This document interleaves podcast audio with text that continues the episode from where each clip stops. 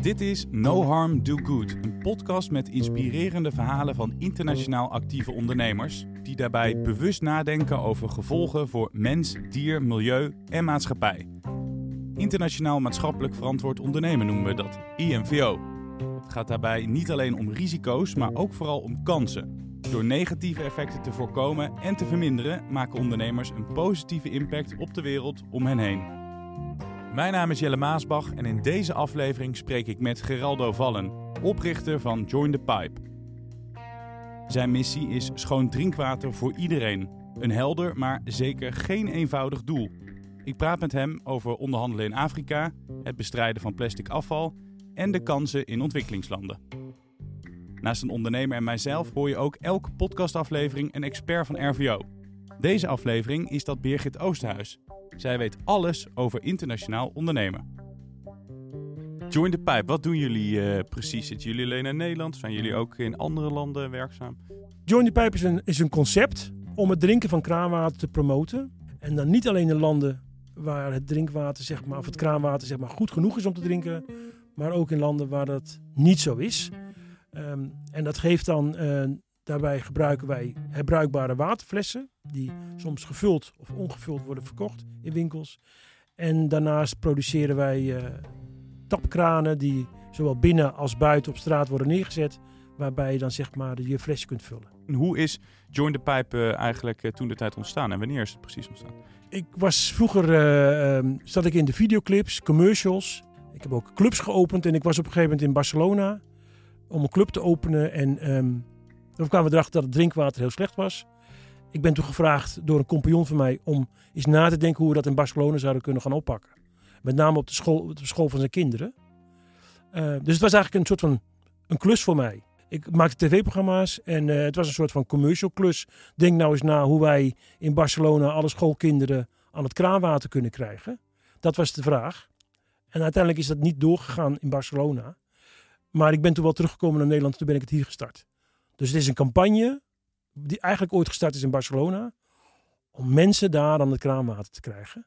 Join the Pipe is eigenlijk een initiatief om zowel water hier als in landen waar het slecht is uit de kraan toch drinkbaar te maken. Waterverspilling oplossen door iedereen aan het kraanwater te krijgen. Een lastige boodschap, want het woord kraanwater roept verschillende associaties op. Het laatste wat je wil is dat je boodschap verwarring of onbegrip veroorzaakt. Wat kan je doen om dat te voorkomen? Birgit legt het uit. Je moet mensen echt meenemen in je verhaal. Laat zien wat je belangrijk vindt, uh, waarom je dat graag wil doen en hoe je er wil komen.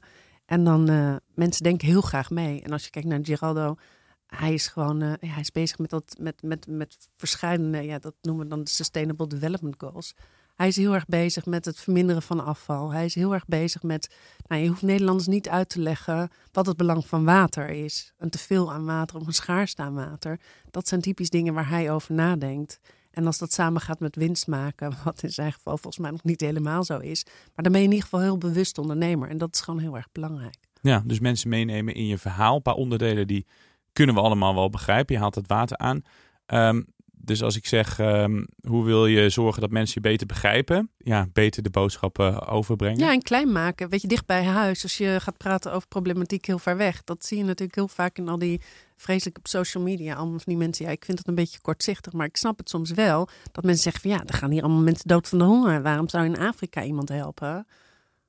het, het een sluit het ander niet uit, maar leg het goed uit. En als je gewoon, kijk, ik word altijd heel gelukkig van mensen die echt een passie hebben, die echt iets willen doen omdat ze erin geloven. En als je er niet in gelooft, ja, dan moet je meteen ophouden. Maar als je er wel in gelooft en je legt uit wat je droom is, en mensen kunnen gewoon op de een of andere manier een bijdrage aan leveren, dan is er denk ik niemand die zegt, oh, dat, uh, daar heb ik even geen zin in.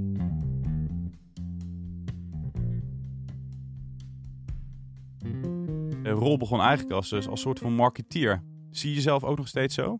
Ja, het is een marketingcampagne. Het is een concept wat in elke stad zou moeten werken. Dus ik, toevallig kom ik net uit, uh, zijn we nu bezig in, in Dubai. Uh, maar ik ben ook bezig met NIOM, een nieuwe stad in Saudi-Arabië. Die dus op een hele andere manier gaan nakijken van nou, hoe kunnen wij nou iedereen hier aan het kraanwater krijgen. En dat heeft te maken met dat er dus wel twee systemen komen in, in dat soort nieuwe steden. Waarbij het ene systeem wordt gebruikt als, als afwaswater, zeg maar.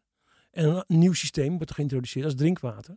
Waarbij we dus wel zorgen dat we die 99 liter die we wegspoelen, niet meer op een dusdanige hoge kwalitatieve manier gaan filteren, waardoor het heel duur wordt, maar een soort van B-kwaliteit. Maar aan de ene kant hoor ik dus dat jullie eigenlijk willen optreden tegen die waterverspilling, wat heel zonde is, maar ook bijvoorbeeld tegen al die flesjes water die worden verkocht.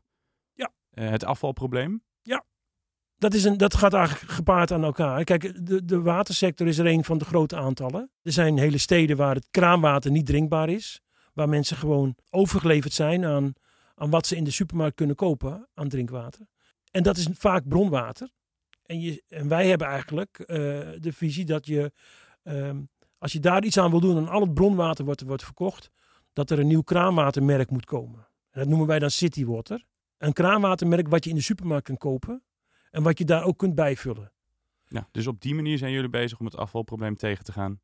Ja, wij zorgen dat er een alternatief komt voor bronwater uh, wat nu wordt verkocht in de supermarkt. Wat een win-win is. Aan de ene kant is het veel goedkoper voor de klant. Want die uh, hoeft niet te betalen voor al die plastic en al het vervoer. En het heeft een beter verdienmodel voor de supermarkt. Want hij hoeft niks in te kopen. Hij hoeft ook niks eh, in te zamelen. Het enige wat hij hoeft te doen is een gefilterd tappen plaatsen in zijn supermarkt. En daar pakt hij dan misschien 10 of 15 cent op.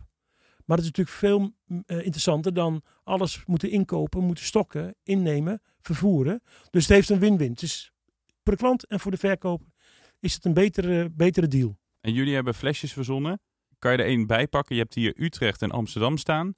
Nou, we zijn nu in Amsterdam, dus laten we die, de Amsterdam variant uh, pakken. Wat is daar zo duurzaam aan? De flesjes worden gemaakt van suikerriet. Dat is eigenlijk gewoon plastic. Maar het is wel een herbruikbare soort. Dus met andere woorden, um, deze, uh, dit plastic wordt geproduceerd in Brazilië. Van de eerste persing, daar wordt uh, rum van gemaakt. Uh, en de tweede persing, die ongeschikt is voor de voedselindustrie, daar kun je plastic van maken. En als je dit nou gewoon netjes aan het einde van zijn levenscyclus zeg maar in een afvalbak stopt, dan kun je er gewoon weer een nieuwe fles van maken tot een lengte van dagen. Waar je misschien wel rekening moet houden met die punten in Afrika. Uh, dat zijn natuurlijk niet de makkelijkste landen om te ondernemen of om iets te plaatsen. Kun je te maken hebben met corruptie? Hoe ga je daarmee om in zo'n land? Nou, het is aan de ene kant heel uh, ingewikkeld om daar iets te doen. Maar aan de andere kant ben je als blank wel heel snel uh, bij de persoon die je wilt spreken. Ik ben, een paar jaar geleden was ik in Tjaat en dan zat ik binnen twee dagen gewoon met de president van Tjaat om de tafel. Dus als je als blanke, zeg maar, als witte, zeg maar in een Afrikaans land komt, dan uh, ben je twee belletjes ver, verwijderd van de burgemeester van de stad.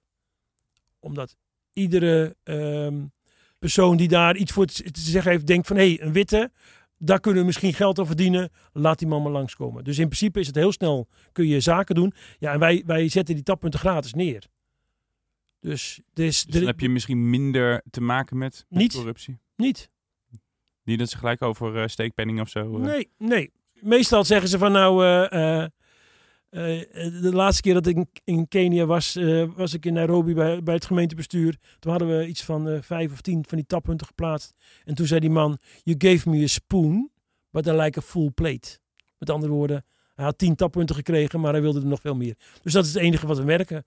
En dan dwingen wij vaak nog eens af dat we dan willen hebben dat er bij zo'n tappunt kinderen mogen staan die dan die flesjes mogen verkopen. Want daar moet je normaal voor betalen om iets te verkopen op straat. Maar wij zeggen van nou, we zetten een tappunt neer. En dan hebben we een paar kinderen die dan, uh, uh, zeg maar straatkinderen, die we dan uh, een paar honderd van die flesjes um, proberen te laten verkopen. Waardoor ze dus een inkomen hebben. Um, en dat lukt. Dus dat soort deals maken we wel. Maar er, zit, er wordt verder geen geld geschoven heen en weer. Ik ben veel op Curaçao geweest, ook op Bali. En Bali werd me voor gewaarschuwd. Dus de reed je soms door de mooiste gebieden en zag je een soort van vallei helemaal vol met plastic. Op Curaçao ken je die, die beeld ook. Maar zou je zeggen, daar is het probleem veel groter. Daar hebben ze jullie meer nodig dan dat je bijvoorbeeld in Nederland of in uh, een ander westers land nodig bent. Zeker. Nee, wij zijn, wij zijn als, als westerlingen altijd heel erg gefocust op, op het laatste uh, flesje uit het milieu halen hier. Maar ik denk over 10, 10, over 10, 20 jaar zullen we erachter komen dat het effect, de impact veel groter is op het moment dat je in een ontwikkelingsland aan de slag gaat. Um, want er is vaak helemaal geen afvalverwerking. Het, de enige afvalverwerking is dat ze het zeg maar op straat gooien en dan wachten tot de moeson komt. En dan zijn ze alles weer kwijt, want alles is weggespoeld. En dan beginnen ze opnieuw. Ik heb in Tjaat, was ik dus, ja, daar stond één, één, één vuilniswagen, volgens mij van de EU ooit ontvangen. Maar ja, als je er geen benzine bij geeft en je geeft er geen geld bij voor een chauffeur, ja, dan laten ze alles liggen. Dus ik verwacht dat er, eh, dat de hoeveelheid plastic die in het milieu eindigt, daar, dat wordt alleen maar meer. Zolang we daar niks aan doen op dat soort eilanden. Maar waarom focust Join the Pipe zich dan niet alleen maar op dat soort landen dan dat je hier in Europa te vinden bent? Omdat er vanuit de overheid nog helemaal geen belang is om daar iets aan te doen. Het belang ligt hier. Uh, de, de, de, de verdiensten liggen hier. Wij zijn dan nu bezig om matrijzen dan in, in Afrika neer te leggen. En dan moeten we dat dan zeg maar uh, financieren door de verkoop via via. Maar dat is dan niet zo eenvoudig. Uh, mensen hebben daar geen, niet het geld wat wij hier hebben. Dus je moet al met een hele creatieve oplossing komen. Wil je die mensen overhalen om af te stappen van een zakje water, een sachet van 3 of 4 cent. Om dan van ons een flesje te kopen wat tien keer zo duur is. Dus dat zijn al hele moeilijke uh, processen.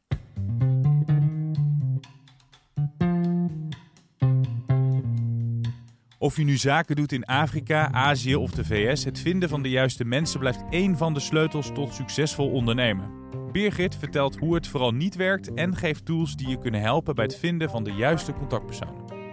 Het ligt een beetje aan je aanvliegroute. Als je gewoon hier in Nederland achter je computer gaat zitten en je gaat googlen en je gaat vervolgens mensen benaderen, dan denken ze, ja, sorry, weet je, ik krijg ook heel veel mail dat ik echt denk, waarom stuur je mij een mail? Ik weet niet eens wie je bent en ik hoef je product niet te kopen. Dus uh, dat gaat altijd meteen de afvalbak in. Maar als je gewoon goed verdiept, dan lukt het wel. En wat wij, nou ja, zoals ik al zei, wij werken samen met de ambassades. We hebben hier in Nederland heel veel mensen die je kunnen helpen, die je ook kunnen koppelen aan leveranciers of producenten. En dat, is, dat gaat dan toch met de warme hand. Dat is echt anders dan dat je gewoon gaat googlen. En uh, we zeggen ook altijd mensen, ga mee op die handelsmissies. We hebben tegenwoordig gewoon virtuele handelsmissies. Dus daar is eigenlijk, uh, het is heel laagdrempelig. Want je kan gewoon inderdaad thuis van achter je computer, word je rechtstreeks uh, verbonden en in contact gebracht. En ga je in gesprek met ondernemers die, uh, die daar aan de andere kant van de wereld zitten. Of in Duitsland of zoiets dergelijks. Maar je wordt warm aan elkaar verbonden. En dat maakt gewoon dat je echt op een andere manier binnenkomt. Dat ja. scheelt echt heel veel. Want het gaat uiteindelijk, uiteindelijk gaat zaken doen om vertrouwen. Vertrouw ik jou, vertrouw je mij? Kijk je in de ogen? Ja, nou, dan gaan we het gewoon proberen. Ja. En zorgen dat je in een ander land de juiste mensen dan weer uh, te spreken krijgt? Ja, nou ja, via die ambassades natuurlijk. Ik weet dat ik ooit een keer, uh, dat is een, collega, een meneer en die werkte voor Style Suits. Die maakte een hele mooie soort hele grote iPhones waarmee je kleding fotografeert voor, uh, voor webshops. En die ging voor het eerst van zijn leven mee op handelsmissie naar China. En die zei, nou, dat is echt fantastisch. Hij zegt, als je in China zaken gaat doen, dan moet je echt langs heel veel loketten en heel veel instanties en heel veel stempels. Maar omdat ik mee was gegaan op missie, kreeg ik de allerbelangrijkste stempel als eerste.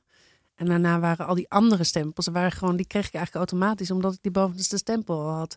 Dus die ambassade kan je heel goed introduceren in die markt. En uh, dat raad ik mensen echt wel aan. Wij stellen alle ondernemers hier de vraag uh, wat hun ondergrens is met verantwoord ondernemen. Dus ja, hoe ver wil je gaan in, in, in lastige landen? Oh, nou, ik ben wel zo van, als, te veel, als ik te veel tegenwerking krijg, dan uh, ga ik ergens anders heen. Uh, want het is zo, Afrika is zo groot dat ik ga niet lopen boksen tegen een, een, een bestuur wat het helemaal niet wil. wat dat betreft kies ik gewoon de eenvoudige weg. Um, niet de eerste keer, ik, ik kap er niet gelijk mee, maar er moet wel een wederzijds wil zijn om het te laten slagen. En als dat er niet is, dan houdt het op. Dus ik ga niet ergens in een bepaald gebied aan de slag als ik merk dat, het, dat ik alleen maar tegengewerkt word. Wat zijn dan de grootste uitdagingen voor jullie de komende tijd? Wat zijn dingen waar je het meeste tegenaan gaat lopen, denk je? Wij, we zitten in een paar grote tenders. Uh, tenders met uh, meer dan duizenden hotels die dan wereldwijd zometeen hopelijk dit gaan introduceren. Um, ja, het is denk ik gewoon zorgen dat wij gewoon onze, dat hetgeen wat wij hebben voor ogen hebben, dat we dat ook kunnen zeg maar inlossen in, in dat soort Afrikaanse landen. Want daar komt het vaak op neer. Je kunt wel hele mooie praatjes verhouden hier. Maar het moet in Afrika ook allemaal nog gaan, uh, gaan werken. En, um, en dat wordt best wel een uitdaging. Um, want iedereen probeert er toch vaak een beetje de kantjes vanaf te lopen. Uh, dus en krijgen wij de medewerking die we verwachten? Dat weet ik niet. Dat wordt lastig. Maar het is wel zo, als er een verdienmodel zit, dan lost het vaak zichzelf wel vanzelf op. Ondernemen in het buitenland brengt je vaak naar onbekende plekken met als gevolg nieuwe vraagstukken. RVO heeft verschillende manieren om jou als ondernemer daarbij te helpen. Birgit vertelt welke dat zijn en hoe je daar je voordeel mee kan doen. Nou ja, bij RVO hebben we ook wel. Wij hebben dus. Uh, wij organiseren dus ook gewoon evenementen hier in Nederland. Nou, dat is natuurlijk een tijdje online geweest. Maar bijvoorbeeld, uh, we hebben International Business Academies. En dat zijn gewoon een soort online learning tools, e-learnings. Waarbij je allerlei aspecten van zaken doen in een specifiek land. Uh, gewoon via e-learnings kan volgen. En dat hebben we voor, voor Amerika. En dat, maar dat hebben we voor Duitsland hebben we het volgens mij. Maar we hebben het ook voor China. En bij China hebben we ook echt heel specifiek zo'n maatschappelijk verantwoord ondernemen e-learning erin. Zodat je heel concreet, specifiek voor dat land gewezen wordt op nou, de kansen die er zijn, maar ook de valkuilen die er zijn. Ja, dus er zijn heel veel verschillende manieren. En je gewoon bellen, bellen. Bellen is altijd sneller. Ja, heb je de kans en valkuilen in kaart en ben je klaar om de telefoon op te pakken? Nou, wacht dan nog heel even, want Geraldo die deelt zijn MVO-tips die jou kunnen helpen om jouw buitenlandse ondernemingsavontuur tot een succes te brengen. Toen ik begon met ik ga kraanwater verkopen, zei iedereen van nou, in de supermarkt, gaat nooit lukken. Nou, dan wordt het wel voor mij extra interessant om het anders nog te proberen. Dus je moet echt een niche zoeken. Ja. Niche zoeken. Maar wel een niche die wel, die wel groot kan worden, want wij maken een stad, een fles voor Utrecht, dat is een niche. Maar als het lukt, en het lukt ook in New York, dan wordt het wel een hele grote niche. Ja, dank aan Geraldo Vallen van Join the Pipe voor het delen van zijn verhaal. En natuurlijk ook aan Birgit Oosthuis van RVO. Dit was No Harm Do Good. Wil je nou zelf aan de slag met verantwoord ondernemen in het buitenland? Doe dan kosteloos een korte check en ontdek welke internationale MVO-risico's je loopt met jouw handelsactiviteiten en wat je kunt doen om die risico's te beperken. Kijk daarvoor op rvo.nl/slash imvo-checker.